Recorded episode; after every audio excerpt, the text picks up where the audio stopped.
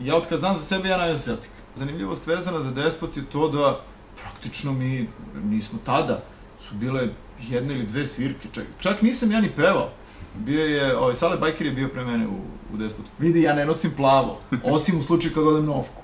Znaš, onda obučem ofku, dres i to je to. Mene je u Irsku uvuko futbal, a onda istorija i mitologija. I dan danas eh, ljudi iz Metropolisa kažu da je tiraž Green Roses za tada u tom trenutku bio potpuno neverovatan. Far Away je pesma koju sam ja napisao u mom najboljem ortaku, a koji je otišao uh, tamo 90. ili 91. nemam pojma, da izbegne, da izbegne rat ovde. Uh, navijač je jedno, huligan je drugo. Znaš, kao da ti baš klinci u Dublinu horski pevaju Far Away, to mi je malo već bilo ono kao wow. Kao, kako? Či ti, i ti se smrzneš i onda kažeš wow, bre, ovo šta je ovo? Pozdrav, dragi ljudi, dobrodošli u novu epizodu podcasta Ubod kulture. Moj današnji gost je Aleksandar Petrović, poznatiji kao Aca Celtic, i sa njim sam razgovarao o njegovom bendu Orthodox Celts, koji ove godine slavi 30 godina postojanja. Takođe smo pričali o njegovom prvom bendu Despot, dotakli smo se teme o sličicama koje Aca skuplja, ali i o muzičkim uticajima i uopšte uticaju književnosti na muziku. Tako da nadam se da ćete uživati. Ako hoće nas podrži, možete to da uradi putem Patreon ili putem Paypala, linkovi su u opisu i hteo bih se zahvali Manchmellovu zato što podržava i deli iste vrednosti kao i ja. Uživajte.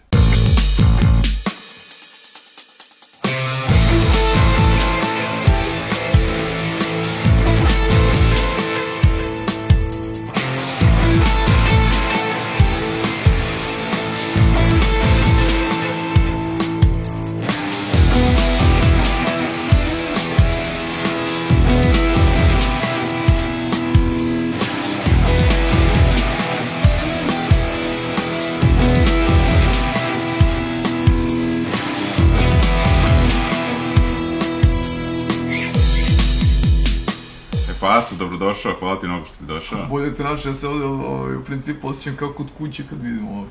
Mislim, izgleda ko moja, ko moja soba. Plus minus. Baš smo pričali i pre podcasta, ti si fan i Jet Rotala i Iron Maidena. Koje su to neke grupe koje su na tebe, da kažem, uticale presudno, aj tako da kažem? Of. Da se baviš muzikom i... Pa pazi, uh, mnogo je uticaja. Uh, ne mogu sad tu da kažem da bih izdvojio jednu, dve, tri. Uh, to je slično onom pitanju nekada u- dok izlazi onaj rock 81, 2, 3. Pa je bilo pitanje za uh, muzičare koji bi pet ploča poneo na pusto ostrvo. Znaš, i onda ja sedem pa razmišljam, kakvih pet? Ajde da, da, da je lista od sto, pa kao možemo da raspravljamo. Kakvih pet? To ne postoji. Ove, evo, otprilike i ovde, i ovde je sličan odgovor, s tim što a, neka prva sećanja a, se, se svode na, na onu ranu rock scenu, znači na, na Cepeline, na uh, Jet Rotal, sigurno, jer to je, to je čak i moj čalo umeo da mi, da mi pusti onako prespavanje Cepelin i, i, i Jet Rotal. O, naravno ne u onom najžešćem obliku, jel? Ali um, nekog Johna Remborna se sećam uh, i tako. E, a moje prvo pravo, veliko otkrovenje je u stvari bio Highway to Hell. I tu, posle toga više nije bilo povratka. To, to je verovatno ta ključna ploča uh, u, u mom životu. I možda to i objašnjava ono što ja posle nikada ACDC nisam mogao da stvarim sa, sa Brianom Johnsonom. Dakle, Bon Scott je ostao Bon Scott. Ali uh, vidiš sad kad, kad si me naveo da razmišljam o tome, moja velika trojka, uh, recimo pevačka u to vreme, su bili baš Bon Scott, Coverdale i, i Dio. I onda taj neki, ajde da kažemo, žešći hard rock, ono na, na granici heavy metala, ili ajde, možemo da kažemo i rani heavy metal, je u stvari uobličio ono što, što sam ja možda kasnije nesvesno preneo u- na Kelte u, u smislu scenskog ponašanja. Znači, ja sam uh, protivno svim očekivanjima uh, postao bukvalno frontman. Ne pevač, nego frontman, a to je ipak dosta različito od, od, od uloge pevača. Tako da, i bilo je tu raznih uticaja. Naravno, posle, posle ove ACDC um, pojaviše se i Maiden i sve što je išlo uz to. Uh, I onda druga velika revolucija su naravno bili Poguesi. To, to nema nikakve dileme, jer Poguesi su u stvari probili probili uh, led i, i, i onako zacrtali put ka, ka irskoj muzici. A sad, s druge strane, opet, ako uzmeš u obzir samog Shane McGovana kao, eto, kažu, najvećeg uh, irskog modernog poetu, s čime ja mogu da se složim, dakle, van konteksta same muzike, ako posmetamo samo njegove pesme, to je nešto sasvim posebno. Uh, ipak je možda veći uticaj na mene ostavio Ronnie Drew, dakle, pevač Dubliners, ali opet to su neke, neke druge stvari, to su neke druge nijanse. Svi oni su na neki način oblikovali ono što ja jesam trenutno na bini i mislim i posle Johnny Cash i gomila njih. A reci mi, Rory Gallagher, Tin Lizzy, baš je bio pre neki dan dokumentarac o Phil Lynottu, ovaj, bilo je zanimljivo, pošto on bio valjda jedini crnac u to vreme u Irskoj i bilo je baš onako... U stvari, uh, u stvari da stvar bude luđa, uh, nije, nije što je bio crnac, on je u stvari bio, uh, on je džipsi. Aha, aha. I ovaj, to, je, to je recimo kuriozitet, da, stvarno, ovaj, nije ih bilo mnogo u, Da. u rock'n'rollu u to vreme. Ali, uh, da, volim Thin Lizzy, uh, Rory Gallagher, tu i tamo, ajde, to je, to je već blues scena, to ostavljam uh, mom Grujčetu, on je, on je čovjek bluzer. Ove, ali, e, da, svakako, svakako da. Vidi, ja se ne ograničavam u suštini žanrovski. I to ne samo profesionalno u smislu bavljenja muzikom, nego i profesionalno u smislu muzičkog urednika. Mislim, to je prosto jedna stvar koja, koja te na, na mnogo načina ograničava. I sad sebe deklarisati kao uh, metalca koji sluša samo metal je izuzetno pogrešno.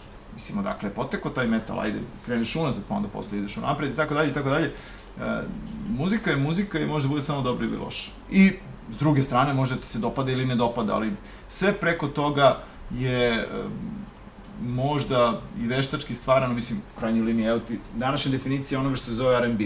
To nema veze sa onim što, što R&B jeste. Mislim, ako, ako tebi rhythm i blues e, treba da budu Party Breakers i Rolling Stonesi, onda ne može u istoj kategoriji da, e, da obitava, ne znam, Rihanna ili neko... Beyoncé. Neko, da, Beyoncé. Neko iz tog miljeja.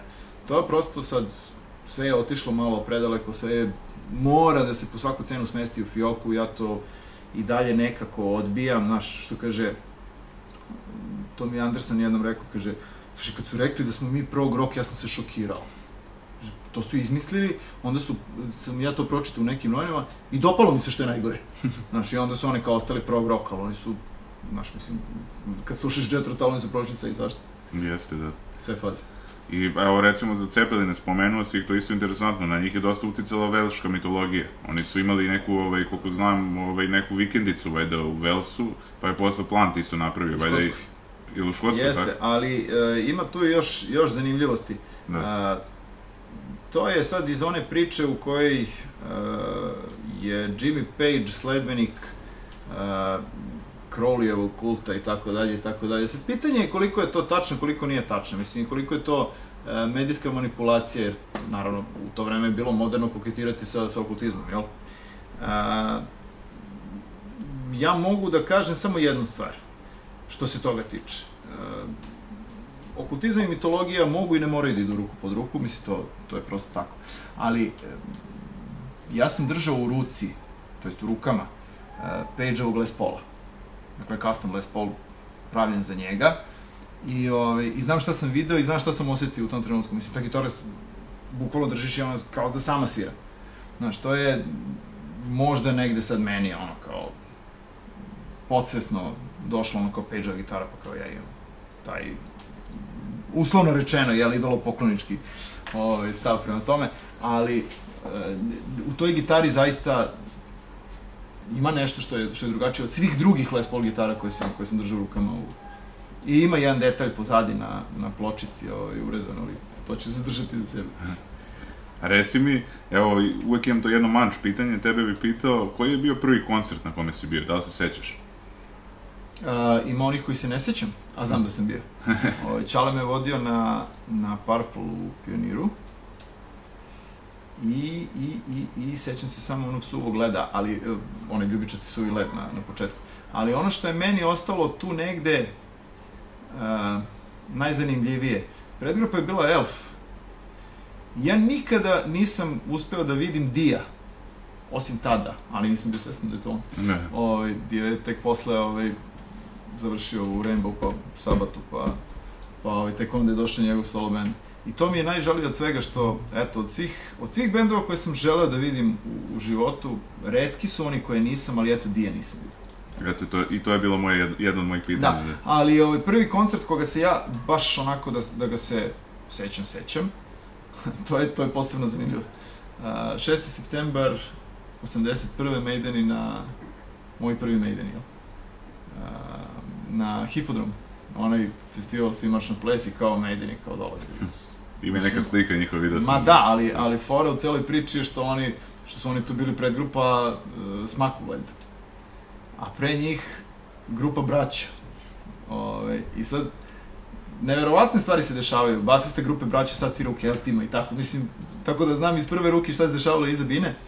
Ali, uh, šta, šta sam htio da ti kažem? Uh, to je prvi koncert na koji sam ja smišljeno otišao onako, bila je nedelja, a samo što je počela školska godina. I sad ja naravno, mislim, ja u školi stvarno nikad nisam imao problema, ovaj, naprotiv, i nikad me nisu nešto mnogo zapitkivali, ovaj, ni roditelji, ni, ni bilo ko oko toga, dok nisam prešao u srednju školu. Onda je pubertet uradio svoje. A, zanimljivost je da je, da sam ja izmislio radnu nedelju. Mislim, radna nedelja ne postoji ni dan danas, naravno, nema veze s mozgom. Ali kao radne subote su postale, i onda se išla, on skupila se novine, za, pa skupila kinta za školu i tako dalje. E sad ja sam mislio, ne može u subotu, pa smo organizovali u nedelju. Naravno, niko nije skupio novine, svi otišli na, na Mejdine, odgledali Mejdine, ovi svirali ko predgrupu u neko pristojno vreme i vratili se kući. I, ovi, i imam snimak s tog koncerta, naravno nisam ja snimao, neko je snimao, nosio onaj portablu magnetofonu, nagru, staru, katastrofalan snimak, ali kao, eto, to je to. A reci mi, uh, tih 80-ih recimo godina, ti si osnovu jedan heavy metal band, tako? Despot se zvao. A, nisam ja. A, Mhm. I sad, kad pričamo o despotu, u stvari uvek moja prva, moja prva asocijacija je moj pokojni najbolji, najbolji drug, ovaj, Šile, Šiki. A, Šiki je e, napravio despot, u stvari osnovao. Uslovno rečeno. S tim što a, mi, čini mi se, sad ne mogu ni svega da se setim, ali čini mi se da smo do imena možda i došli zajedno, ali u svakom slučaju Despot je njegovo, njegovo čedo u tom trenutku. A, bilo je bilo je nekoliko bendova koji su egzistirali u toj, na, ha, sad, underground heavy metal scena beogradska, možeš misliti, kad to kažeš tako, onda to zvuči mnogo, mnogo je zvučnije nego što, što je stvarno bilo, ali uh, tu su bili bendovi tipa Otkrovenje, pa Karizma u krajnjoj liniji, uh, Demonijak, Despot, uh, Heller. Znaš, to je ta neka, mislim, drugarska ekipa. To je uzak krug ljudi. Svi smo se mi tu poznavali manje ili Ortaci iz više. Da, pa da, mislim, ono, ko prelazilo se iz Otkrovenja u Despot i obrnuto. Mislim, to show programe, pa je Macura iz Otkrovenja završio u u Demonijaku, pa iz Demonijaka došao u Despot, pa je onda na kraju snimio album sa mnom posle 100 godina i tako, mislim, to su, kako ti kažem, to su te neke dečačke priče. Taj Despot je na kraju stvarno ostao moja, moja neka mm, neka moja reminiscencija mladosti i svega. Znaš, to je to, je to što ja jesam uh, u, u tom dečačkom smislu. I um, negde mi je jako drago što smo to uradili. Bio bih izuzetno nesrećan da nisam snimio taj album. Vi ste izdali album, da Pa, kažemo, relativno 2013, skoro. pa evo, sad Da. će 10 godina. Deset, da. Ove, ali zanimljivost, e, zanimljivost vezana za Despot je to da praktično mi nismo tada, su bile jedna ili dve svirke, čak, čak nisam ja ni pevao. Bio je, ovaj, Sale Bajker je bio pre mene u, u Despotu. Ali šta je sad tu e, još interesantno? E, od cele te scene, e, Demonijak i, i Heller su izbacili albume koji su izuzetno cenjeni, pogotovo u Japanu sada, A Karizma je snimila za PGP to što je snimila, međutim i ušla je u mainstream i sviralo se tu, bog zna koliko, mislim, znaš. U krajnjoj liniji Karizmi i sad sporadično, koliko, se, koliko ja pratim, ovaj, se pojavljuje. Jedino uh, Despot tada ništa nije snimio i Otkrovenje nije snimilo. Doduše, ja imam kao stari hrčak, jel? ovaj, čuvam sve snimke. Imam neki uh, demo demonijaka, ovaj, na, sačuvao sam na kasetama i, i imam uh, demo snimke otkrovenja, tako da ja kad mi baš dođe ono, nostalgija neka me udari, onda mogu da čujem. Znaš, to je velika prednost odnosno na ove koji to nisu sačuvali, a, a svirali su u bendu. To je super, mislim, baš lepo i uspomena i... A reci mi, u vašem bendu, mislim u Despotu ima dosta različitih instrumenta, to je isto interesantno, ono, što se tiče heavy metala. Pa, e, da. znaš kako, e, jako je e, komplikovano napraviti heavy metal band koji će da bude, e, koji će da bude originalan. E, sreća Despota je što je što mene zanimaju te teme i literarne i istorijske i onda tu zaista možeš da izvučeš ono onu srž samog sebe u krajnjoj liniji kroz, kroz ono što pevaš. I bilo bi izuzetno štetno ne uraditi to na ovaj način na koji smo uradili. Znači, da, u, treba uvesti te naše etno teme, ali ih treba uvesti na onaj način na koji to pesma, odnosno žanr, odnosno cela priča zaslužuje. Znači, to sve uh, može da bude, samo ne sme da bude loši, ne sme da bude kič. I mi smo se uporno trudili da to izbegnemo. A, s druge strane, nije bilo ni teško, ovaj, s obzirom da su Brankovići vrlo verzirani. Znaš, s tim što sam ja, moram da priznam, bio je jedan solo ovako koji je mene prilično uh, izludeo, pa sam im nalupao packe i, i, i naredio da ga promene, ali to je, to nek ostane naša mala tajna, ovaj, zašto i kako, a s druge strane, uh, kad, kad slušaš, kad slušaš Despot, onda ja negde e, sam imao ideju da, da zaista možeš da vratiš film, da, da se vratiš u taj neki srednji vek u kome se, o kome se tu peva. E, tebi su jako važne te teme, ovaj, mislim, istorijske i šta si ti studirao? Uh, ja sam u stvari studijski tehničar za prijemnu i studijsku radiotehniku. Znači, to kad te pitaju koje ti je zanimanje, onda ti dobiješ onaj papir sa 13 kockice i onda sve to treba da staviš u to. Tako da od tog posla nema ništa. Ja sam u stvari uh, dizajner zvuka po zvanju, a, a, novinar uh, i urednik, o, jeli, to se zove urednik složene emisije, ovaj, na radiju trenutno po, po radnom mestu i to je to. I frontman u Keltima. Mislim, A jesi razmišljao nekada da studiraš istoriju ili... Jesam kasnije. Uh, motala mi se po glavi ideja da, da ovaj, Eh, istorija, arheologija, pa možda i etnologija, međutim onda je, onda je u celoj toj priči eh, Bolonja postala kamen o vratu. Znači, ne možeš, ne možeš da studiraš i da radiš u isto vreme kao što je nekad bilo, mislim da ozbiljno to radiš. Tako da, od tog posla nema ništa. U krajnjoj liniji, uh, setim se, ovaj, Sretim Petrović, jel, profesor, ovaj, koji inače i moj poznanik, a mogu da kažem i prijatelj, zaista. Uh, pitam je njega baš za etnologiju na, na filozofskom i tako dalje, kaže, šta će ti to? Rekao, šta će mi, mislim? Pa da naučim još nešto, kaže, ajde, bre, ti znaš bre više od toga što oni uče tamo, to je pod broj 1, na drugu gubiš vreme. I kraj priče. Znaš, mislim, tužno je, ali tako. A od, od kada je krenulo tvoje interesovanje za Irsku? Pa znaš kako, uh, ja od kad znam za sebe, ja navijam Celtic. I Negde sam vidio da je tvoja prva reč bila malo te Pa tako kažu. Urbana legenda. Dobro, teško da mogu da se setim toga, eventualno, znaš, ono, neki, neka hipnoza, pa eventualno da, da probam da se setim toga. Ali, uh, moj tata je celog života tvrdio da sam ja u, u toku utakmice Celtic Feyenoord rekao Celtic i to je tako ostalo. Znaš, i, eto, i to je sad ona tvrdnja, kao nisam ja izabrao klub, nego je klub izabrao mene i gotovo. Uh, Jesi sad u finalu nabio protiv Rangers? Naravno. Dobro, to se, to, to, to se podrazume. Mislim, kako? Vidi, ja ne nosim plavo, osim u slučaju kad odem na ofku. Znaš, onda obučem ofku dres i to je to. Ali sve ovo ostalo. Uh, pa stvarno ja nemam ni jednu plavu stvar u garderobi koju, koju nosim, mislim, bar ne regularno. A što se tiče, što se tiče o, irske muzike, pa znaš kako, uh, Celtic i irska muzika idu ruku pod ruku. I sve one stadionske pesme su u stvari irski folk.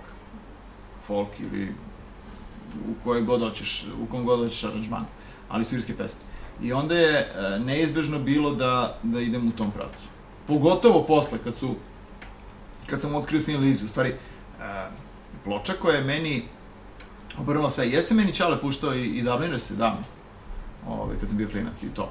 A, ali nije me toliko kupilo kao, kao rock. Mislim, Dubliners su ipak svedena varijanta, znaš, to je u principu Da. starogradska verzija Da, da. ove irske muzike. To je sve super, to je lepo i, i, i fenomenalno, ali je drugačije od onoga što je mene kao klinca u pubertetu ono kao palilo. A, e onda Thin Lizzy, kad, je, kad mi je pao šaka Black Rose. Ček sam možda ga ima ovde. Evo ga. Evo ga. Ovo je jel. I poslednja, poslednja pesma, dakle B4 ili B5, sad više ne znam šta je bilo na kojoj strani. Uh, Legend of Black Rose. Jedna komadina od 5-7 minuta u kojoj, u kojoj je uh, Lajnot prezentovao celu irsku mitologiju sabijenu u nekoliko strofa, plus svi oni uh, sve one solo deonice koje, svirao, koje su svirali Gary Moore i, i Scott Gorham, či ti, i ti se smrzneš i onda kažeš, wow, bre, ovo šta je ovo? I onda kreće retroaktivno otkrivanje svega. Znaš, mislim, ne samo Thin Lizzy, onda se pojavlja Poxy, onda, onda kreće onda kreće ono ludilo i sa Chieftainsi postaju mainstream, probijaju se na listama, pa onda Chieftainsi prave onaj album uh, zajednički sa sa gomilom pevača, između ostalih tu su bili, ne znam, Sting, Sinead O'Connor i, i ovaj, Jagger, uh, Tom Jones, potpuno ludilo od albuma. I onda, i još na sve to, onaj boom sa, sa Riverdance-u. Znaš, do duše, ja sam mnogo pre toga uh, došao do irske muzike, ali kod nas se to probilo praktično sa Riverdance-om. Iako Riverdance 90% sve drugo, a samo 10% je onaj klasičan irski, irski ovaj ples. Uh, generalno, dakle, mene je u Irsku uvuko futbal, a onda istorija i mitologija. I danas kad pričamo o, o, o keltskoj mitologiji, ja ne mogu da ne vučem paralele sa slovenskom ili sa, sa, sa nordijskom. I ne mogu da pričamo o irskoj istoriji, a da ne primetim sličnosti sa, sa našom istorijom.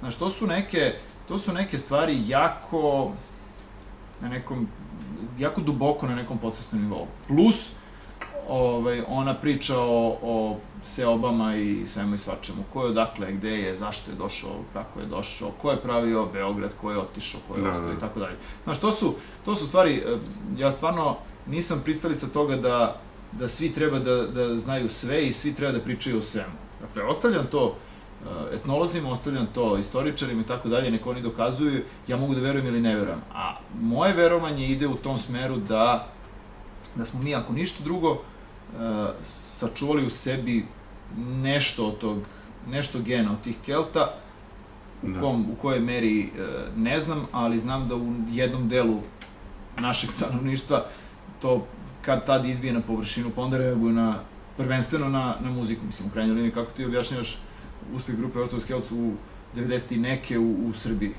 To, evo ti moj kum Miša, inače basista čovjek,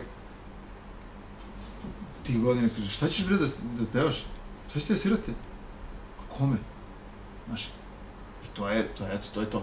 I nije Ali- kratko trajen uspeh, ove godine je 30 godina. Pa 30 godina, Da, da. znaš, ali, ali ovaj, da, evo, Da. prekjuče sam pričao sa, sa Golubom, ovaj, baš evo, Goblin isto, isto stavi 30 godina, dakle, vršnjaci smo, To ste da te pitam kako je bilo na koncertu. sjajno je bilo, ali kaže, kaže Golub, kaže, ajde budi iskren, kaže da nam je onda, onda neko rekao ćemo trebamo 30 godina, otrali bismo ga u, znaš, mislim, I stvarno, niko nije pomišljao da će, da će to toliko da traje u, u smislu da smo mi nešto planirali.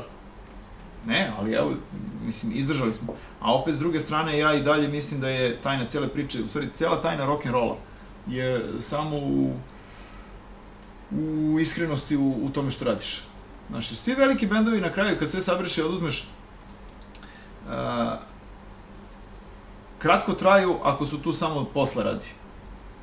Znači, mora da postoji neka vera u to što pevaš, em, da, ti, da, da si ti to što jesi i na bini i van nje. I to je, mislim, znaš, kako ti kažem, ja i kod kuće, ovaj, kad hoću da, kad hoću da pevam ili da pravim ili da uzem gitaru pa da sviram nešto, ja sviram i ono što bih pevao na, na bini. Znaš, redko, vrlo redko, ovaj, sviram nešto treće. A pogotovo ne ono što, što mi neko traži. A vi ste do sad izdali šest albuma, tako? Tako je. Da, i koji je da kažemo bio prelom? Je li ovaj Green Roses ili... Pa verovatno, mada, e, znaš kako, svaki od njih je bio preloman na neki način. Mhm. Jer su svi dobrano različiti. Taj prvi je bio prelomni u tom smislu što je bio prvi Da, te vrste. da, da. Uh, Kill Strike Again je bio prelomni opet jer nas je izbacio, izbacio u tu grupu bendova, tu generaciju uh, uz Darkwoode, Kandu Koji Nebojšu, Negativ, Gobline, uh, Iceburn, znaš, prosto on nam je doneo, kako bih rekao, um, odre, određi, određenje u tom, u tom trenutku. A Green Roses je u suštini posle toga samo krenuo tom utabanom stazom i postigao, uslovno rečeno, najveći komercijalni uspeh, znaš. E, I dan danas e, ljudi iz Metropolisa kažu da je tiraž Green Roses za tada u tom trenutku bio potpuno neverovatan. Ja sad ne znam stvarno koliko je to, ali da je bio on, suludo veliki za to, za to vreme. A, ima još jedna uh, interesantna stvar. Uh, prvi album kad se pojavio, to je 94. godine, mislim, zašao tačno 1. septembra, eto, to znam. Uh, par nedelja posle toga, ja dobijem informaciju da je to najprodavanija, uh, uslovno rečeno piratska, jel? Kaseta u isto vreme, pazi sad ovo, u Beogradu, uh, Splitu i Kninu. Pazi, u isto vreme 94. A pazi koje su to mesta. Da. Znači, potpuno, znaš, van uh, svih mogućih očekivanja i mislim da smo uradili neki prilično dobar posao tih godina. Kako ne, pa i mnogi pocenjuju to vreme, ovaj, da kažemo 90. što se tiče naših bendova, mislim da to je izuzetno jako, jak period za na, i naš rock and roll, a i generalno za... Pa evo sad pre neki dan je izašla ona priča na, na BBC News, uh, ili BBC Srbija u stvari, uh, o brzim bendovima Srbije. U stvari to je to. To je, dru, uh, ja bih to možda nazvao drugi novi talas. Uh, taj novi talas 80-ih, to svi znamo šta je i, i koliko je bilo značajno, koliko je bilo originalno i sve ostalo što ide uz to. Uh, s druge strane, ovo je bila, uh, kad kažem drugi novi talas, to je bila uh, grupa bendova koji su ponovo otkrivali rock and roll kroz nove fuzije koje su se, koje su se dešavale umeđu vremena. Znaš. Mi generalno nismo ličili jedni na drugi. Jeste. To je, i to je, Svaki to je bio stvar. specifičan. Pa mislim, evo ti, DLM, funky. Da. Uh, Goblini, pa... Goblin i Punk. Uh, Kanda Koji Nebojša, O, na oni svoju- Darkwoodi... na svoju ruku. Da.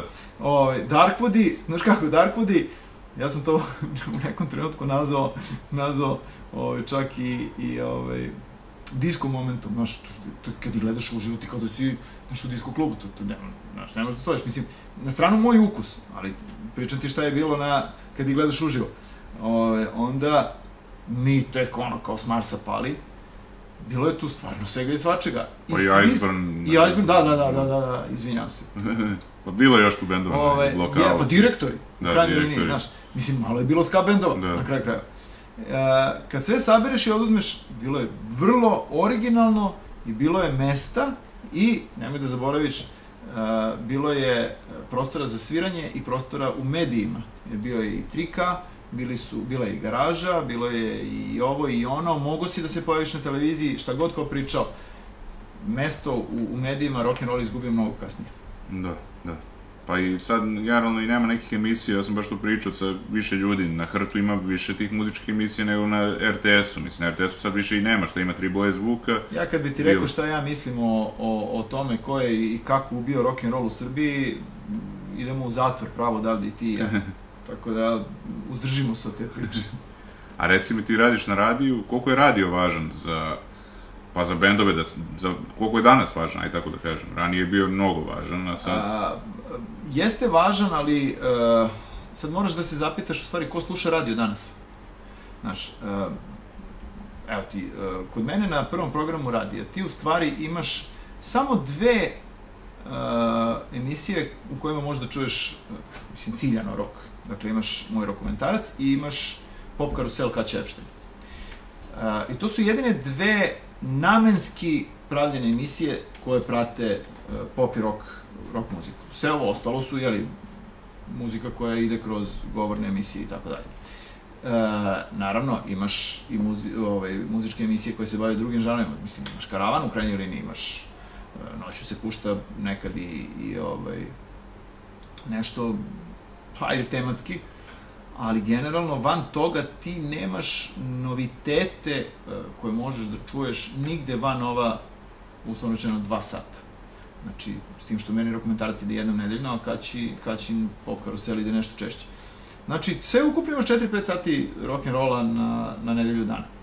A, e sad, ono što, što izdvaja celu priču, bar evo ja pričam o dokumentarcu da ne pričam ja o kaćinoj emisiji, dovišu ti pa, pa nek priča sam. Ovaj, e,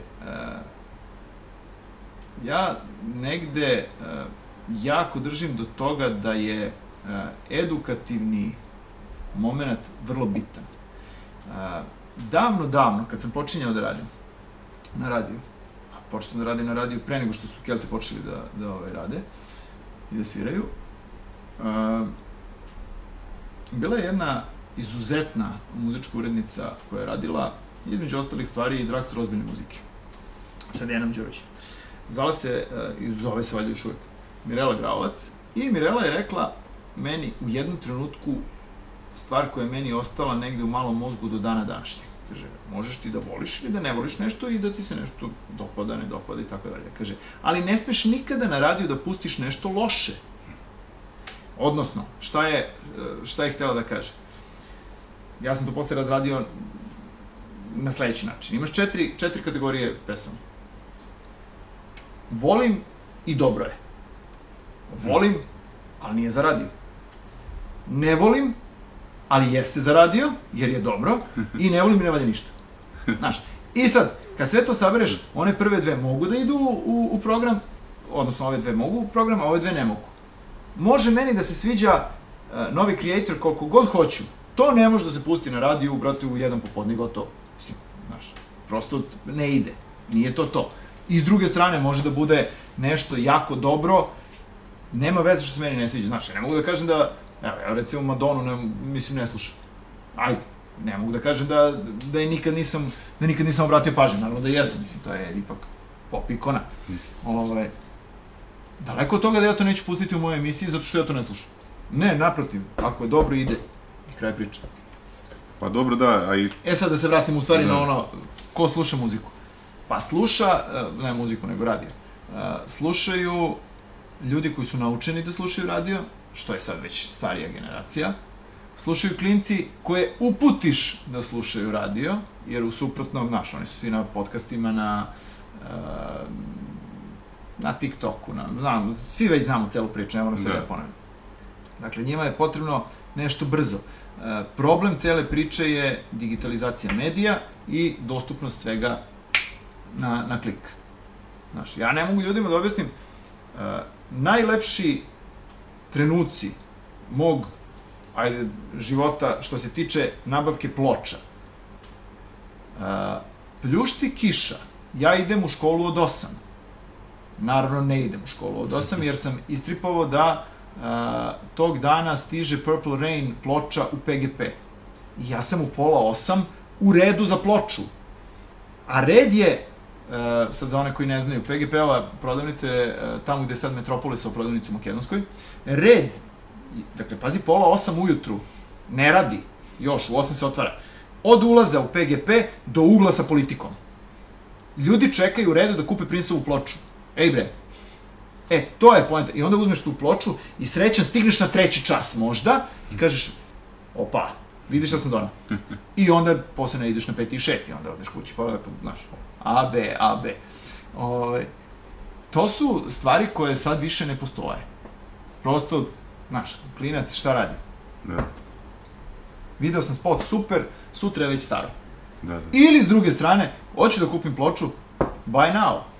Kraj priče, stiže ti na kućnu adresu. Nema više, nema više iščekivanja, nema Desanke Maksimović, ne, nemoj mi prići i tako dalje. Nema toga. Sve sad i sve odmah. To je, to je ovaj, problematično. E sad, naravno, postoje zaljubljenici u radiju i u stvari mi radimo za njih. Ali dosta interesantno je to otkrivanje preko radija ovaj, nekih novih bendova. Ranije je verovatno to bilo učestalije, sad ono... Su... Zato što je jedino tako bilo i moguće. Da, da, da. da. To. I e, mislim ba da je važno, sad ti si rekao ko sluša, ali i gde sluša, budući da ono, dosta ljudi u kolima sluša radio, a ovaj, ali onda ja razmišljam, onda ovi mlađi verovatno stave svoje slušalice, ono, i slušaju nešto sa svog telefona. Vrlo verovatno. onda- Vidi, e, evo ti, ja imam dvoje tinejdžera u kući. Sjajno su ispali, moram da priznam. Nije da se hvalim, ali... A, evo, išli smo, išli smo ovaj, na Gobline, išli smo na Maidene, idemo na Whitesnake. A, doduše, Jovana se još malo tu traži, znaš, ali opet ako je omiljeni band Green Day, meni je sasvim okej.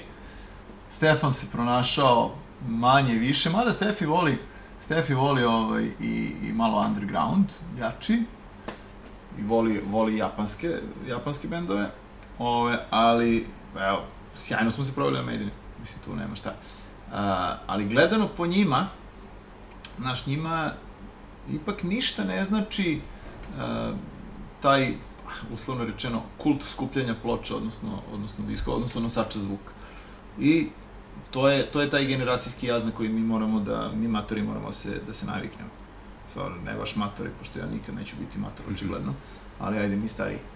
Ali evo danas imamo i taj fenomen da deca recimo ne mogu da slušaju celu pesmu, nego znaju re, refren od 20-30 sekundi i onda ovaj, ostalo ni ne traže. ono, Ne, neki ne znaju celu pesmu, znaju tih, ono, ajde da kažemo... Pa dobro, moram da priznam, nemam ta iskustva, zato što Da. ovi moji ovi moji ovaj, znaju i o čemu se radi u tekstovima i prilično su pažljivi po tom pitanju, ali to, to su valjda naučili, znaš. To je zbog ovih TikTokova i toga zato što tu Pa, staje 30 sekundi, pa onda jeste, navodno da. onda oni ne gledaju, Pa ali... to, zato ti kažem, ovi, Da. moja deca su verovatno, gledajući Jelenu i mene, ove, naučili da, da slušaju celu pesmu, pa onda Da, kao, da, da. e, su to uspeli da primene i kod sebe.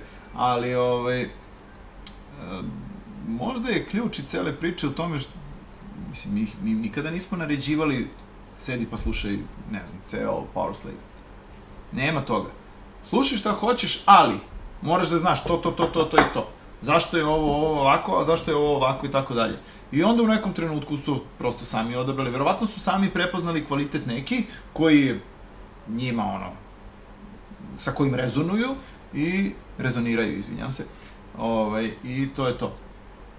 A, da. A evo, rekao si, pričao si o pločama i kako je to bilo uzbudljivo ovaj, čekati i sve, a reci mi ti imaš i pasiju prema sličicama, skupljenje sličica. A to, to mi je ostalo Da. To mi je ostalo Jer imaš špa, sve albume od- 82. A, nema Meksiko 70. ali dobro, to je, to je kolekcionarski primjerak, to, Da. to neću ni naći, verovatno. A i ako ga nađem, teško da, teško da bez nekog kredita može da se nabavi.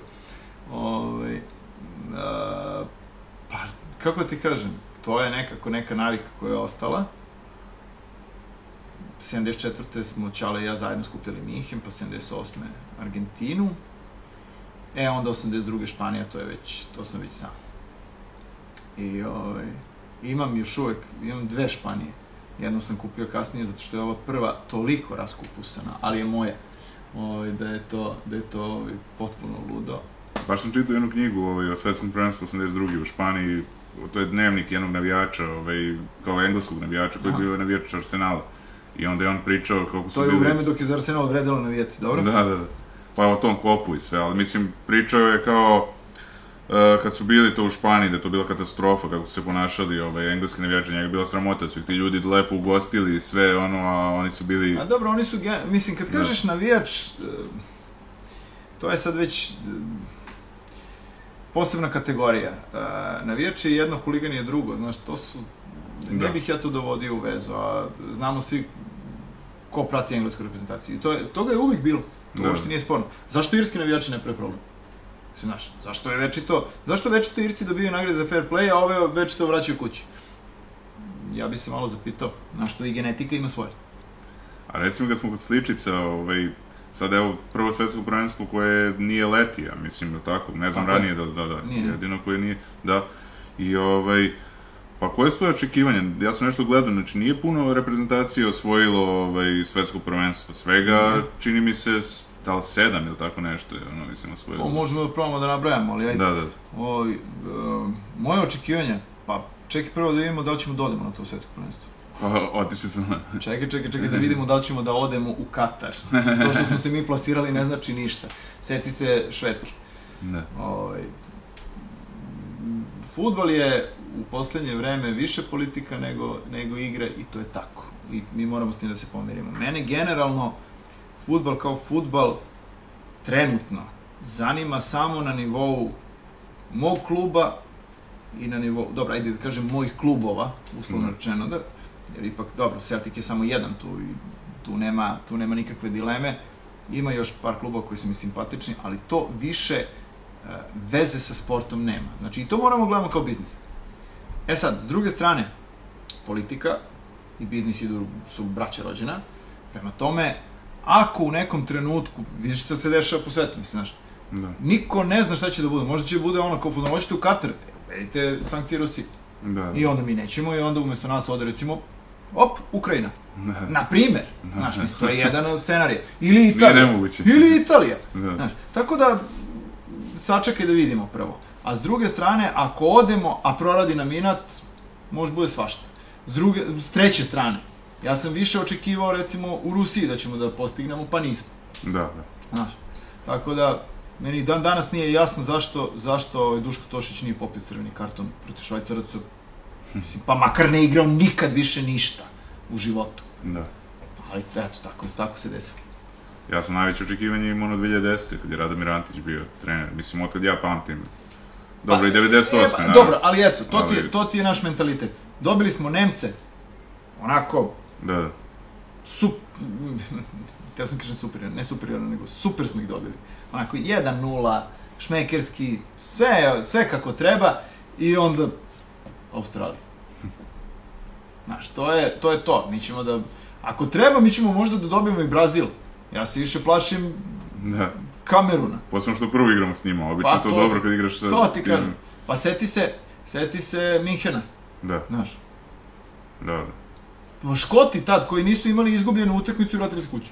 Znaš, to ne možeš mnogo da, e, mnogo da predvidiš. Možeš samo da eventualno negde u glavi složiš kockici i kažeš aha, dobro, ovi glavni favoriti će svakako proći dalje. Italije nema, pa onda ovaj, jedino za njih je večito pitanje hoće neće. Ako Evo ti- prođe, onda idu do Da, kraja. evo ti, evo ti zanimljiva ovaj, jedna stvar. Uh, 2010. baš Južna Afrika i mi sviramo uh, Keltski festival u Trstu. I dolazimo u Trst posle 100 godina samoći u kombiju i ulazimo u hotel, a u hotelu puna TV sala i neki likovi dere se ovaj sa, sa ekrana i likovi ono kao svi ovako gledaju, a dočekuje nas uh, recepcionarka na srpskom. Mislim, naše devojke negde iz uh, okoline Požarevca ili iz Požarevca, ako sam dobro kapirao. Jao, da stigli ste, bla, bla, bla. I mi kao, super, konačno smo stigli, ono, svi veseli, ovo, ono. A ovih 30 italijana ovako. U fazonu hoće nas pobiju. Šta je bilo? Mi upadamo u trenutku kad Slovačka izbacuje Italiju sa svetskog prvenstva i ovi ne znaju da li smo mi, ovaj, da li smo Slovaci ili nismo. To je show bio. I onda je bilo ono kao, drugari, sobe, odma, doviđenja. Vidimo se posle. Ja znam kad sam bio u Barceloni 2006. bilo je ovaj polufinale Lige šampiona i sad Čale i ja otišli, uzeli karte kod nekog tapkaroša i sad ono, Mm. nisam bio siguran da li su dobre one karte ni ništa, ali platili smo Ali dobro su lepo, lepo Da, su da, da, da. A dosta smo i platili, ali onako, što se kaže, is, isplatilo se, što se kaže. Mislim, nije neka cena sad pre, nešto previše, ali je ono dovoljno da pogledaš polufinale. Ovaj, I sad ulazimo i nama kažu, idete među kao, to je Barcelonin deo, sve okej, sve u redu, ja ulazim ono u Barceloninom dresu, ono, oni, oni nas šalju među Milanovci. Ja, ono, I sad na kraju naše utakmice ispao Milan, bilo 0-0, a valjda je tamo Barcelona pobedila 1-0. I, ovaj, I sad stojimo mi i ne znam, ono, dok se ne isprazni stadion, čeka se. Ovaj, I ostaje samo jedan navijač Barcelona i bukvalno skida gaće, pokazuje im dupe, ne znam, zeze. Pa i ono? Oni potišteni, a ja ono u dresu i gledam samo ono, ali dobro, dobri su bili, nije to. Izvalili su oni da sam ja stranac, tako da... Pa kako ti kažem, Zvezda, Zvezda, Panathinaikos. I Ćale nađe karte za zapad i mi na zapad. I sve, sve je super i onda ukapiramo da su tri reda ispred i iza nas Grci. Znaš, pazi na Marakani, Da, mislim, da. nije to sad da, Da, smo da. otišli u Atinu. Da, da, da. Ali ovde, znaš, a još je bio klinac, ne mogu se setim koja je to godina, 80 i neka, Repčić i ona ekipa, Janjanin i... O, to, je, to je isto bilo zanimljivo. A reci mi, eto, koliko je bitno, da se vratim sad na muziku, pošto smo pričali o futbolu, Uh, koliko je bitno da, da kažem da pevači, muzičari uopšte čitaju, ovaj, jer u Irskoj recimo, baš sam nešto gledao, niti manja zemlja, niti više Nobelovca, Nobelovaca. A, pa nisam ti ja baš adekvatan e, sagovornik na tu temu. e, Jer ja sam vidio da si sam bio odrast- moderator, Ja sam da. odrastao sa knjigama. Da, da. Znaš, moja, e, moja soba u kojoj sam odrastao je izgledala tako da je pored kreveta stajala biblioteka sa 5000 knjiga i ja sam bio upućen na, na literaturu od malih nogu. Znaš, plus jedinča, ono kao, dosadno mi je naučio da, da čitam sa četiri godine, manje četiri. Zato što mi je bilo dosadno. Evo. I, ovaj, Ti si engleski počeo od pa uh, tako, četvrte sa godine. četiri, da.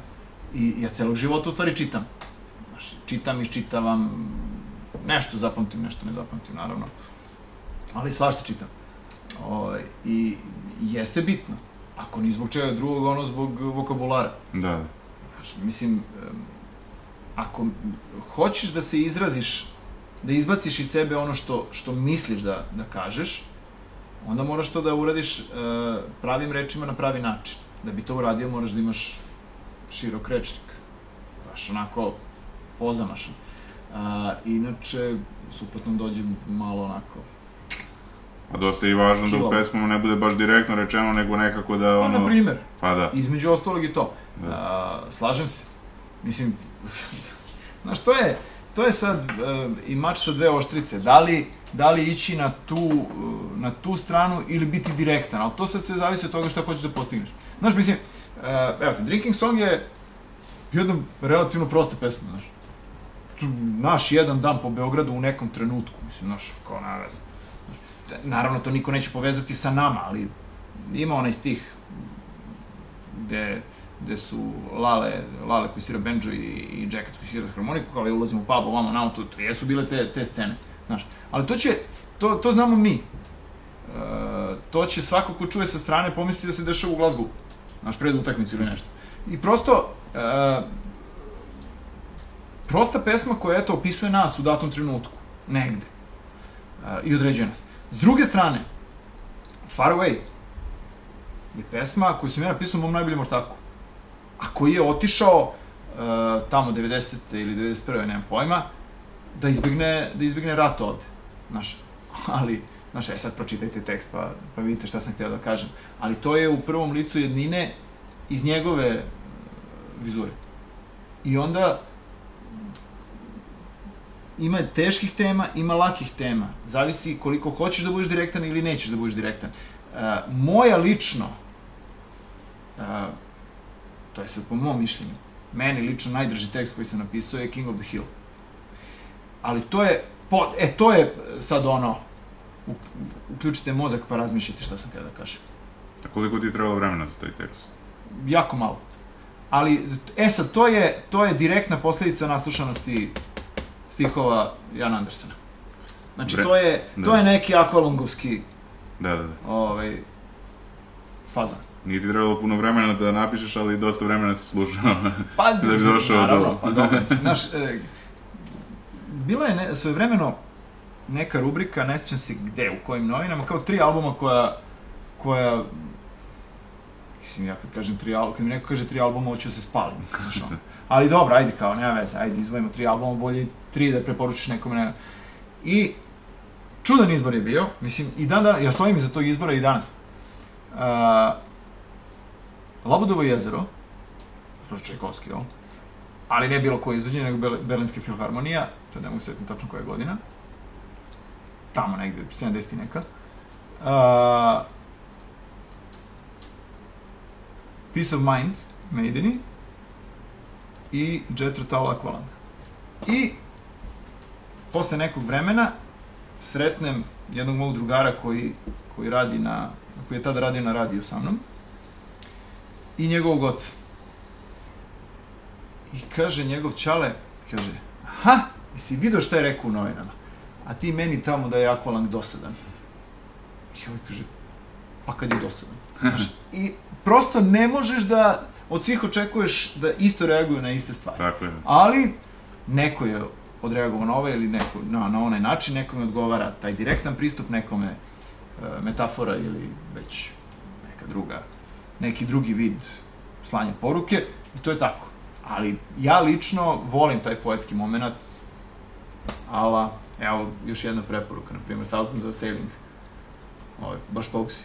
To je, to je uh, poetski možda najbolji tekst modernog rock and rolla, pop roka, kako god hoćeš, irske muzike u krajnjoj liniji u, u ovoj poslednjoj fazi od poslednjih 34 godina. To je ozbiljan doktorat. I zato je Shane McGowan veliki. Baš sam gledao, ovaj, mislim, nedavno sam ja taj band otkrio, nisam ja nešto ranije njih slušao, ovaj, ali nisam znao da je tolika legenda tamo, ovaj, vidim ono, znaš, neki komentari, baš ono, ovaj, Pa najveći irski pesnik 20. Da, veka, da, mislim, da. krajnje, druge polovine 20. veka. da. A, kad kažemo najveći irski pesnik, to je vrlo... Uh, uh, ne znam koji izraz da, da upotrebim. To je baš onako prejako. Jer Irska ima gomilu dobrih pesnika. Jeste, da. Ove, ali ajde da kažemo uh, najbolji rock pesnik irski, to definitivno. Pa evo i ovo za Nobelovci, ima ih, ja mislim, sedam Nobelova. Sedam. Da. Sedam. Sedam, sedam pobjeda na Euroviziji, ili ima još nešto sedam? Mhm. Dobro, svetsko nisu, naravno, ovaj, mislim, A koji da jesu, samo sedam ekipa je osvojilo. njih je se jedno, oni kad su pobedili Italiju onda u, u Americi, Mhm. ono, 1-0 za njih je to bilo ko final. Je li to njima bilo najbolje svetsko ili? A, mislim da jeste. Ili ne, u Italiji su bili, u Italiji su bili još bolji. U Italiji su uh, delili ono od petog do osmog. U stvari mi smo kao zvanično bili peti, zato što smo ispali na penale, a ovi ostali su delili od šestog do osmog. Ne znam koliko je istina za Bernarda Shaw, on je, to znam da je on jedini ovaj, i Oskarovac i Nobelovac uz Bob Dylana. Ali Bob Dylan je skoro. A, Ovaj, ima jedna, ima jedan interesantan... uh, ono za Čirilicu, to se da. to, nego ima jedan interesantan disk, Aha. odnosno album, uh, gde su upevavali uh, šove pesme. Šova i Jejca. I sad ja ne mogu da se setim kako se zove taj, taj album, ali evo, ostavim ti dužan informaciju.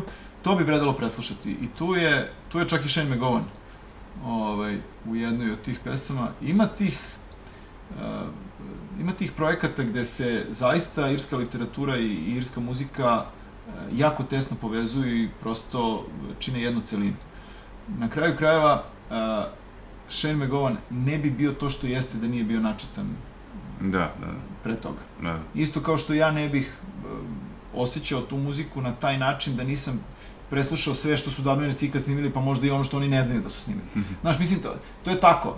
E, možda ne bih imao taj akcenat, taj izgovor, to je direktna, direktna posledica naslušanosti ovaj, Dublinerci. da. To nema, nema greške. Jesi nešto posebno vežbu izgovor ili Ne. nisu? Ne, ali se, ali se davno, negde na početku, ovaj, u prvih pet godina, javio se neki profesor slavistike iz Bostona, koji nam je poslao pismo i kaže, kaže, pe, zanimljivo je da pevate vrlo specifičnim severno-dublinskim akcentom. Je pojma, nemam kakav severno-dublinski akcent, mislim, znaš, a to je opet, to je opet to što sam ja pokupio od Ronija i, i, i te Prirodno ti je došlo. Tako je, A reci mi, vi ste bili u Irskoj pre koliko? Četiri godine? Tako je. Da.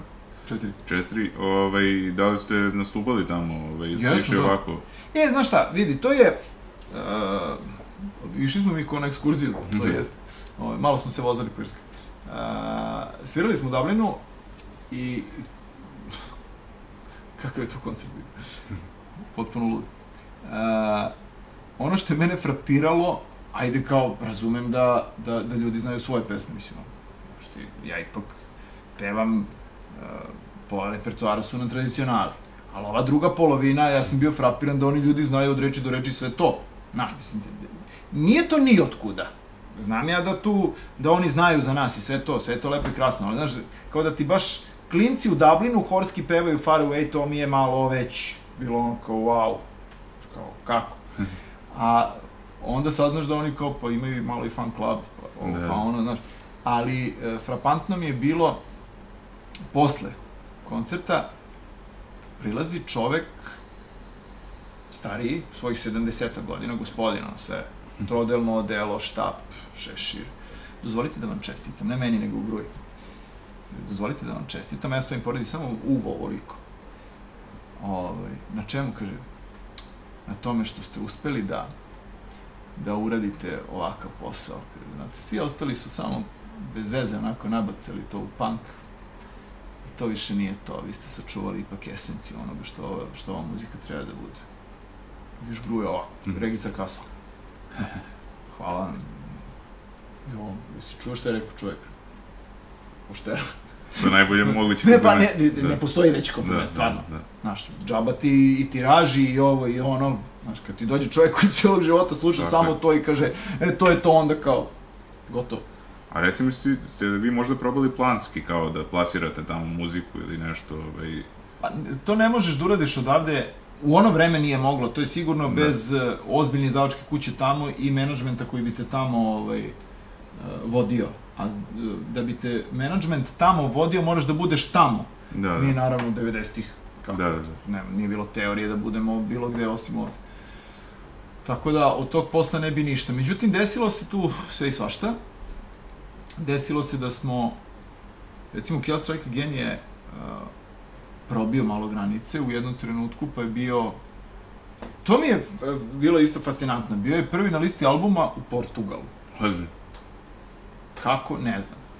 A, pa je Mary's Wedding proglašena svojevremeno za najbolju verziju e, ikada snimljenu i to ne da je proglasio ne znam ko, nego ovaj, Scottish uh, Highland Hi- House of Music iz Inverness, baš onako zvanično. Pa je onda a, Green Roses se negde pojavljivao na top listama, pa je onda a, Far Away tražili su nam uh, Far Away da stave na kompilaciju koja se zvala Rock for Peace Volume 2. I onda na kraju nam pošalju, i stvarno izađe, ne znam koliko irskih bendova i mi, 13 irskih i mi 14 recimo. I onda izađe recenzija i pošalje nam recenziju i kaže ovako, kaže, kaže, ubedljivo najbolji moment je, je ovaj Far Away, a imajte na umu da to jedini, jedino oni nisu Irci na celom albumu. I onda kao, eto, to, to, to.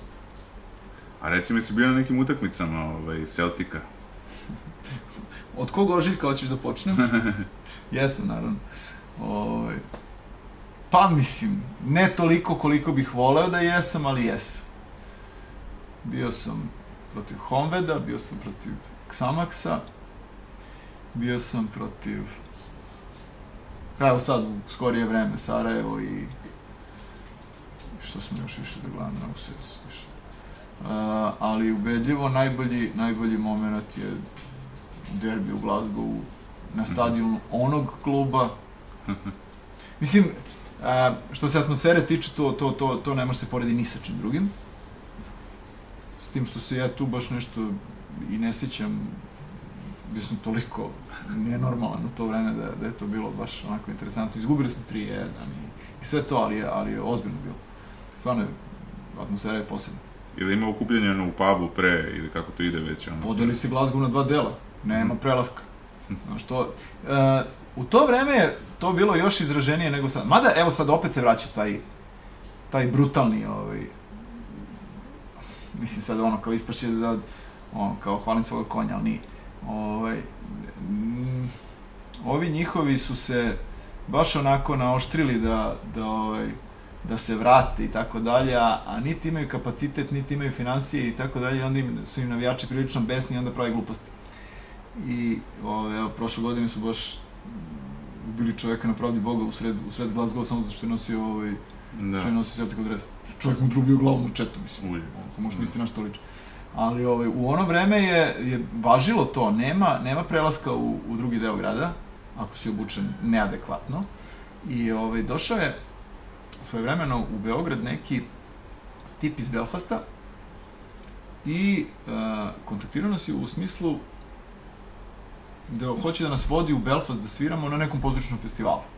I okej, okay, kao ajde nađemo se tu i tu, tad i tad i dolazimo Džekac i ja naravno u našim zeleno-belim zatvorskim uniformicama. Ovaj, čovjek sedi u plavoj majici sa grbom onog kluba. I ja gledam, neko, neko da, ili ovaj nas zajebao? I znaš, i sad sedimo, Džekac čuti, znači ono kao odlepio.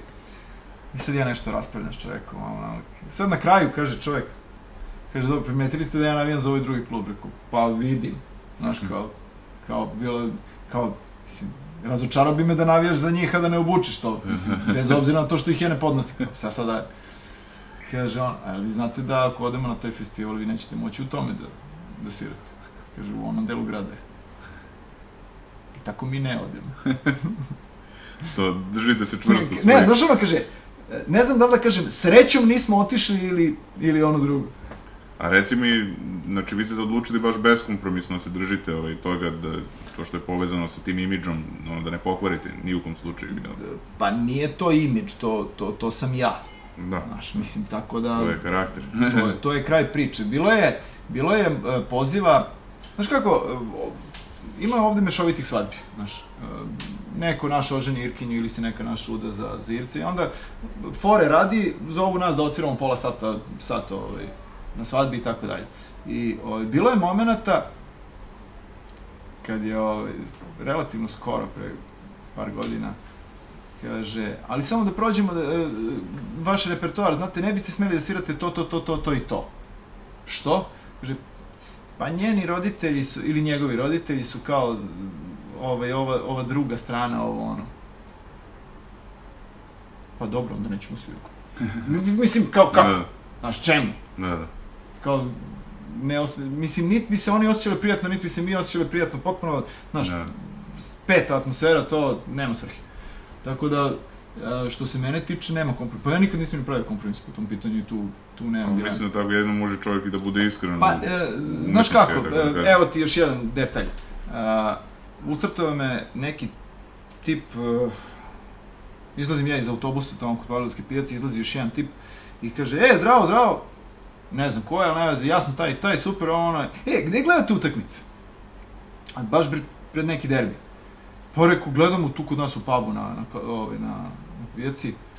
Ovaj, kao, jel mogu ja da dođem da gledam s vama? Ali ja navijam za ovaj drugi klub. Ko rođače, da li si ti svestan, da li si ti svestan da kad počne utakmica da ću ja prvi, ono kao da, da ne, ne, ne odgovaram za svoje postupke. Pa da, ali ja nemam s kim da gledam ono. Pa šta će sad, dođi da meni pevaš Billy Boys. Da si, da si bre ti normalno.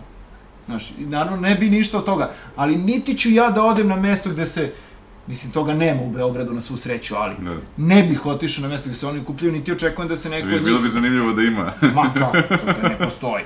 da ne, neko napravi band da, A, ne, bilo je, bilo je nekoliko, uslovno rečeno, njihovih navijača, ali mislim da je to bilo vezano više za Novi Sad. Ne mogu da se setim sada. Ovaj, imali su ne, neki kao možda klub navijača, ali ograđujem se, ni, ni- nisam, nisam upoznat 100%.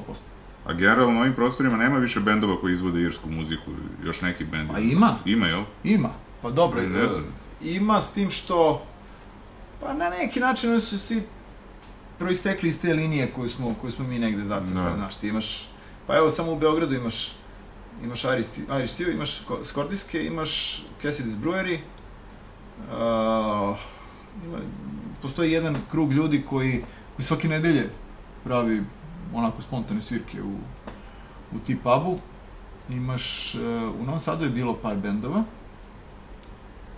Ja sad ne znam koliko su ti bendovi van Beograda aktivni. Uh, ovi koji sam, koji sam ti nabrojao jesu. Mislim sad u kojoj meri, stvarno ne pratim, ali, ali tu su. Reci mi, uh, da li si bio u Velsu možda? Pošto meni deluje da je Vels Nisam. najpribližniji... po- Nisam, ali jeste, da, to Da. si u pravu. Uh, što se Velsa tiče, i to je vrlo lako objašnjivo u krajnjoj liniji. Znaš, e, ta priča o Skordicima i o Beogradu se svodi na to da se ta keltska, to keltsko pleme, dakle Skordici su se podelili u dve grupe, velike i male, mali su ostali ovde, a veliki su otišli dalje, to su u stvari sadašnji bretonci, odnosno kasnije nazvani Gali, jel? Ovaj, a deo njih je prešao i u Vels. I dakle, e, cela ta grana uh, srpsko-bretonsko-velška je u stvari ista linija.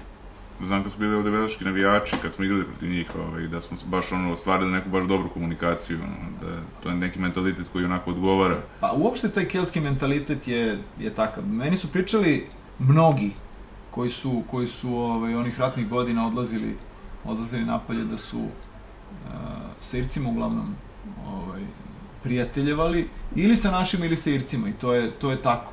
Vrlo redko, vrlo redko van toga. Vidiš i njihovi glumci, ono, razbijaju i kad dođu u Hollywood su igraju glavne uloge, mislim i...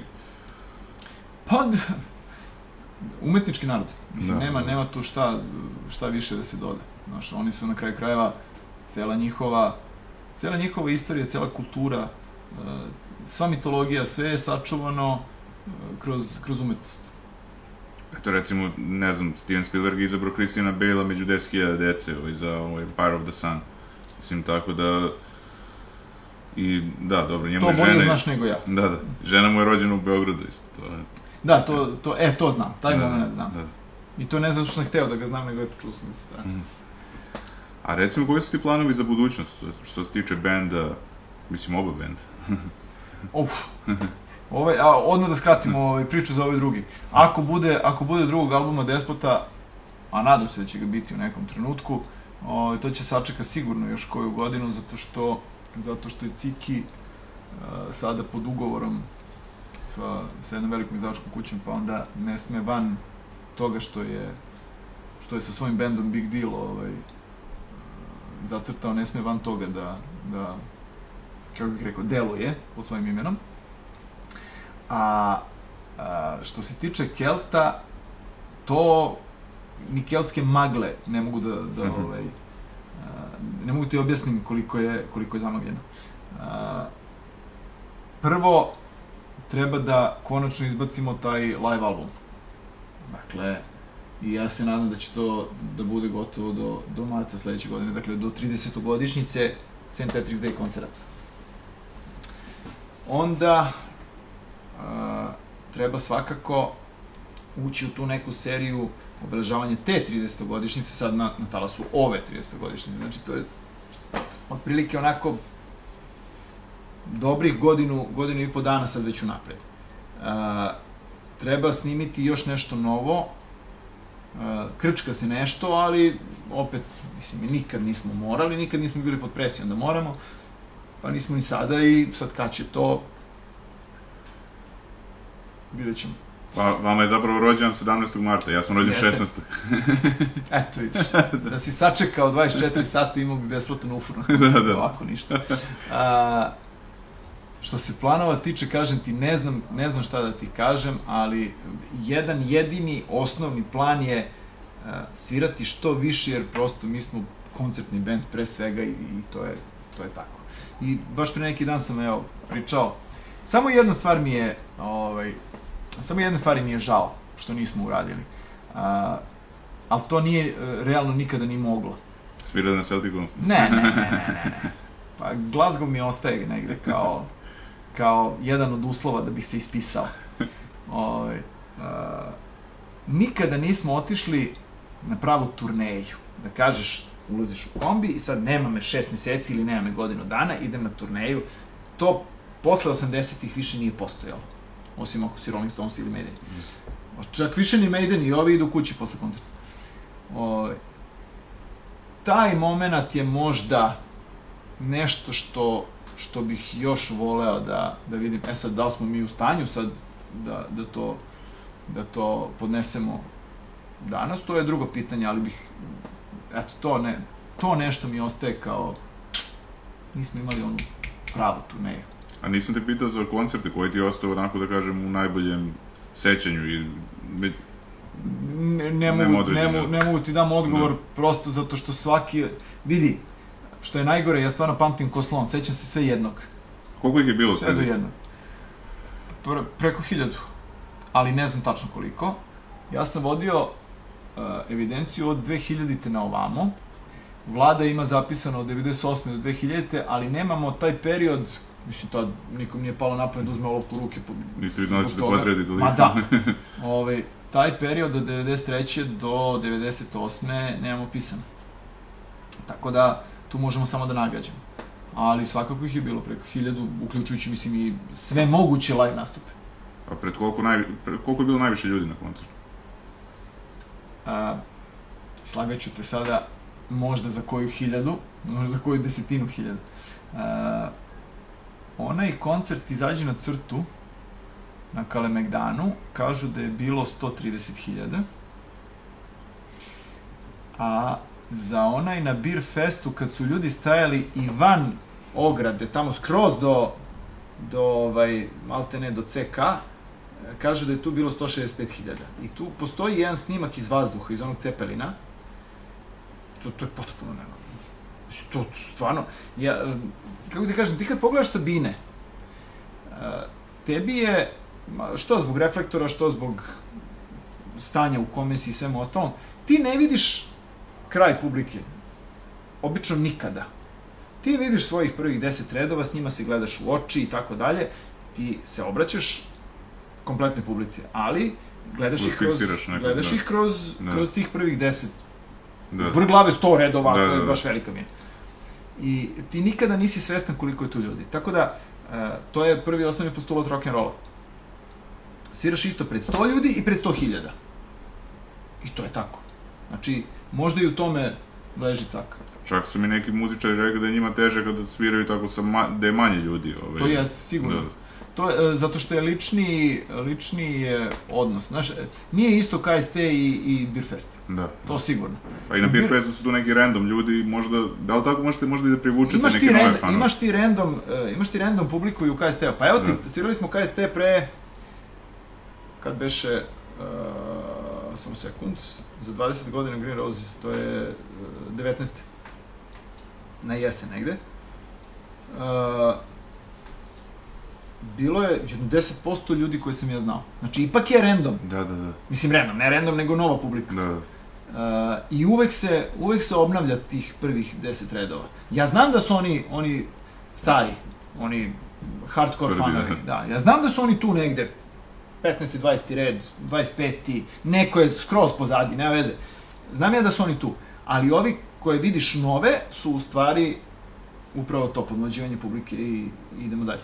A da li to do tog podmlađivanja dolazi baš upravo, ne znam, na Beer Festu i tako nekim većim festivalima gde tu isto ovaj, pokupite neke nove, da kažem, fanove? Vidi, nikad nisam ulazio u problematiku tog tipa. Da. A, sigurno je da marketing radi svoje, Da, ali s druge strane opet dovoljno dugo smo tu da, da se priča da se priča o nama vrti i, i kad nismo prisutni u medijima non stop. Znaš, u krajnjoj liniji, e, mi smo došli do ovde gde smo zato što smo pre svega dobar koncertni bend. Naravno. Bar ja mislim. Da, Mislim, da, da, to je- definitivno. to bih ja Pa Svi možda- kažu uvijek da se odlično provedu na Pa, vašem koncertu. To je zato Mislim, što se mi na dobro bini proveo. osjećamo kao u svo, u sopstvenom prirodnom staništu, Da. znaš, to je to. Ili si live band ili nisi live band. E sad, mi jesmo, očigledno i e, publika to voli. Neko se poistovećuje s nama, neko je tu zbog, samo zbog muzike, neko je tu samo zbog provoda, neko je ovo, neko je ono, ali ja stvarno mislim da on, onaj, ono jezgro koje mi zovemo fanovima, da su oni potpuno u filmu. Sad baš razmišljam, kao što ste vi za Irsku, da li postoji tako još neki, na, kod nas band za neku drugu zemlju? e, Da Ja se predstavi sjećam da je bila? Madrugada, ovaj, odličan, odličan ovaj, fado band. Aha. Ima i norveški band Mislim, Madrugada. rečeno fado, ali, Ima norveški band Madrugada, odlični su. pa eto. Ali ne znam da li, ne znam da li stvarno postoji, Da još neko tako Ali predstavlja kao... ajde ovako, a, da li još neka, da li još neka vrsta m, nacionalna muzika, da li još neka nacionalna muzika uopšte može da se e, stavi u rang Irske u, u, u tom smislu. Znaš, da li je još neka toliko opšte popularna u svetu da bi, da bi bila konkurentna? I to je tačno, da. Jer e, na kraju, kad sve sabereš i oduzmeš, e, od delom od, od irske muzike je, je nastao i country, pa rock and roll, pa onda sve ostalo što ide uz to. Znači, opet, ona je negde u korenu. E, drugo, druge žile tog korena su verovatno blues ili gospel ili tako nešto, ali, ali u korenu rock and rolla jeste ta irska muzika. A pričali smo o Elvisu pre podcast. Šta, šta on predstavlja za tebe? Elvis? Da. A, pa znaš kako, postoji samo jedan sinonim e, za, za reč Elvis, je kralj. Jel? A, ovo je sad već, kako bih rekao, a, ne mogu dovoljno da izrazim a, rečima koliko je Elvis Elvis pa onda svi ostali. Znaš, jer to je to, je to, to je he is the king of rock and roll. Bez obzira na to što ja možda nekog više volim ili ne, ali Elvis je sinonim za rock and roll. Kao što je um, na primer Michael Jordan sinonim za, za NBA, e tako je Elvis sinonim za rock and roll. I to je tako. Najveći je, najveći od svih i tu je tačka. Sad je izašao ovaj film, nismo gledali ni ti ni ja, pa ne znam. Ja se plašim da ga gledam, pravo ti kažem. Uh, ja se uopšte plašim tih, tih geografskih filmova, jer uh, tu mora da dođe do izražaja neka neka dinamika koju, koja možda ne može da prati pravu priču. Da, da. da. Znaš, ja sam, uh, gledao sam ovaj, na premijeri onaj film Frediju i bio sam, izašao sam polubesan. Mislim, zašto? Sad, to, je, to je moj problem, naravno. Jer e, ja znam priču od A do Š kako je išla. I onda, čim imaš te neke nedoslednosti e, što se tiče e, vremenskih odrednica, netačnosti u, u pristupu određenom trenutku i tako dalje, mene to već onako izbacuje iz takta, znaš. Mislim, kako možeš da objasniš to da ako se ja dobro sećam u filmu je um, Works album izašao neposredno pred Wembley, a odjednom ceo Wembley ili još nije izašao, a ceo Wembley peva Radio Gaga. Mislim, malo ljudi, to malo Da, da. ne može. Kontradiktorno je. Pa mislim, Da, prosto nije to to. Bilo je tu još detalja, ali dobro, ne veze. Ali meni recimo da... Rocketman, Rocketman mi se više svideo, ali i on ima vremenske Da, da, da, odstupanje. pomake, da. Ali recimo, meni je dobar primer Ray, ovaj, Ray Charles. E, ne znam toliko, ne Da, znam da. toliko detalja o, o Da, Reju da. da, bih mogao na isti način da, da posmatram. Da, da. Jeste. Da. Manje sam se nervirao, to jeste. Glume, Mislim, fan, fan... Evo vidiš, sad me recimo zanima jako, jako me zanima ovaj film o, o, o Billie Holiday. Aha, Sad da li film ili serija, sad, ovo što tek treba da se... Mislim da je pojavi. serija čak. Moguće. Možda i nije. O, to me jako zanima da, da vidim šta se tu dešava, jer e, priča o Billie Holiday je sve samo neobično. Da, da, da, da. Pa i nedavno sam baš pisao za ovu Dejanu Ross, da je ona glumila valjda Billie Holiday 70 i neke, ne znam, nekom Mhm. filmu. Ovaj, bila odmah nominovana za Oscara, to je bila prva uloga. Ali, ovaj, e, što se tiče ovih, e, da kažem, biografskih filmova, da, sad su baš ono, krenuli o svima da snimaju. Pa zato što sad već postoji vremenska distanca u odnosu na te ljude Da, da. koja dozvoljava da o njima praviš te, te biografske filmove. Ko zna, mislim, jednog dana jednog dana će verovatno se pravi film o Jaggeru. Znaš, ja, čekam, ja čekam film o Bowiju. Da, da, da. Pa to mora da bude. Pa da, ali, Ovo to je jako teško. ali kako, kako, kako, znaš, kako, ko da glumi Bowiju? Da, da. To je baš onako Pa domaće. i preneti tu njegovu celu priču je, ono. Naravno. A reci mi, a si gledao si o Johnny Cashu? Da, o da, o da. Um, pa sad, znaš, ja bih volao da, se- da se tu uplela i ona druga polovina njegove, njegove karijere, znaš. Da, da, Jer ovde, ovde imamo samo do jednog momenta. da, da. Mi nemamo onaj moment gde on postaje gde on postaje tumač uh, Svetog pisma, gde on postaje pastor, gde on uh, piše knjigu o Svetom Pavlu i tako dalje. Znaš, ima tu mnogo gde nemaš onaj moment gde se on pojavljuje u kožnim čizmama na, na tonskoj probi Maidena da uzme od Brusa autogram. Znaš, mislim, da. ti nemaš te momente, a, a Mora serija. pa naravno, Da. ne možeš se da Ne, staviš u satipu. I ovaj, evo sad je bio, ne znam da si gledao ovaj dokumentarac o Beatlesima od Peter Jacksona. Nisam. Nisam, ali oštrim se i za to. Mislim, ja sad ne znam kako ću da gledam Elvisa, to mi je, to mi je prvo i osnovno. Hoću Mhm. prvo da čujem soundtrack, pa tek onda da, Ne znam, je li ovaj glumac i pevao ili su ubacili? Ne, Nije. ne, soundtrack je izašao, vidim da je prvi singl, noseći singl je ovaj, Moneskin. I to sam čuo. I to je čak Damjano jako dobro otpevao, sve to, sve to okej. Ali, e, druga je dimenzija te pesme. Znaš, pitanje, evo gledaj, e, ne znam da li si gledao na, na RTS-u je baš pre par meseci prikazan Crock of Gold o Shane McGowan. Dakle, e, polu e, dokumentarni, polu, polu igrani. Komplet njegov život od A do Š, ali vrlo tačan i vrlo, i on se pojavljuje i e, ne znam, i Jerry Adams iz Sinn Féina i pričaju savremenici, pričaju ovi iz Pogsa, pa tu se pojavljuje onda i Johnny Depp i tako dalje i tako dalje. Cela priča se e, na kraju svodi na to da ti na kraju ne budeš razočaran nečim. Dobro, ja sam Shayna i upoznao i, i znao sam i kakav je i šta mogu da očekujem i tako dalje i tako dalje. Što se njega lično tiče. Ali priča kao priča je mora, u njegovom slučaju da bude romantizovana, to je besmisleno, potpuno. I oni to nisu uradili. I sjajno što to nisu uradili.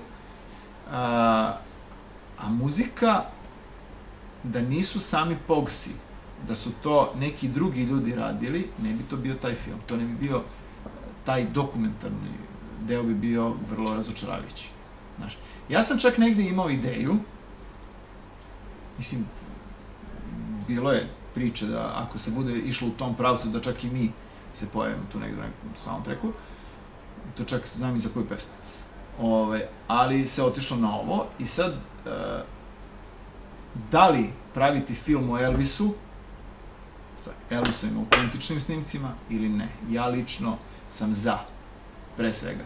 Ne kažem da ne treba napraviti tribute album.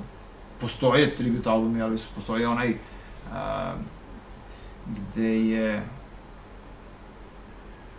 Dwight Yoakam je imao nešto fenomenalno. A, Suspicious Minds. Uh, ne mogu se setim koji je to, koji je to soundtrack. Uh, ili baš tribute.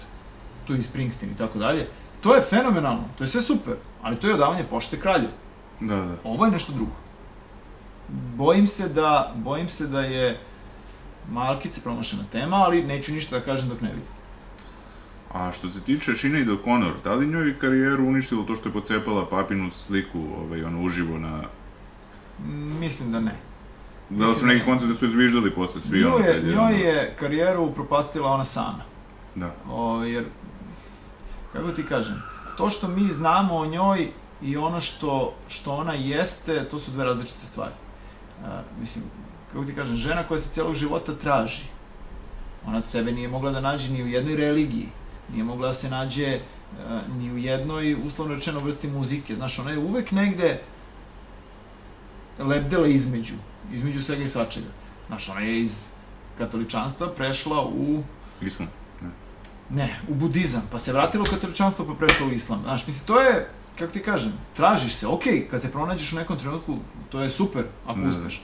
Ali, mislim da njena karijera nije mogla ni da uspe sa, sa takvim ogromnim ovaj, trzavicama. Da, a šteta, ona je stvarno specifična pojava. Pa jeste, isto kao, kao Enja. Da, Znaš, da, da. I Enja je isto negde vrlo onako eterična, da tako kažem. A da, evo sad, da kažemo jedno pitanje onako, ovaj, šta bi bilo kad bi bilo, da možeš od nekih, od ovih pokojnih muzičara, znači koji nisu više s nama, da odeš na koncert, koga bi izabrao? Dija, Di je? Dija, odmah. Ali To bi ne. bio si na njegovom koncertu, ali nisam bio sad. Pa to ti kažem, da ponovimo lekciju. Ove, Dija, ali mislim da to je vrlo ne znam, možda i ne bi, ček, ček, ček, ček, ček, možda ipak ACDC sa Bonom Scottom. A možda, a mislim, pazi, znaš kako, sad ovo zvuči, zvuči potpuno bez veze, ali pre ili kasnije stići ću ih na nekom od koncerata. A su želim ti puno sreće u daljem radu. Hvala ti. Hvala ti mnogo na ovom razgovoru. Nema na čemu, bilo mi, baš mi je super. Takođe. Gledamo se dalje.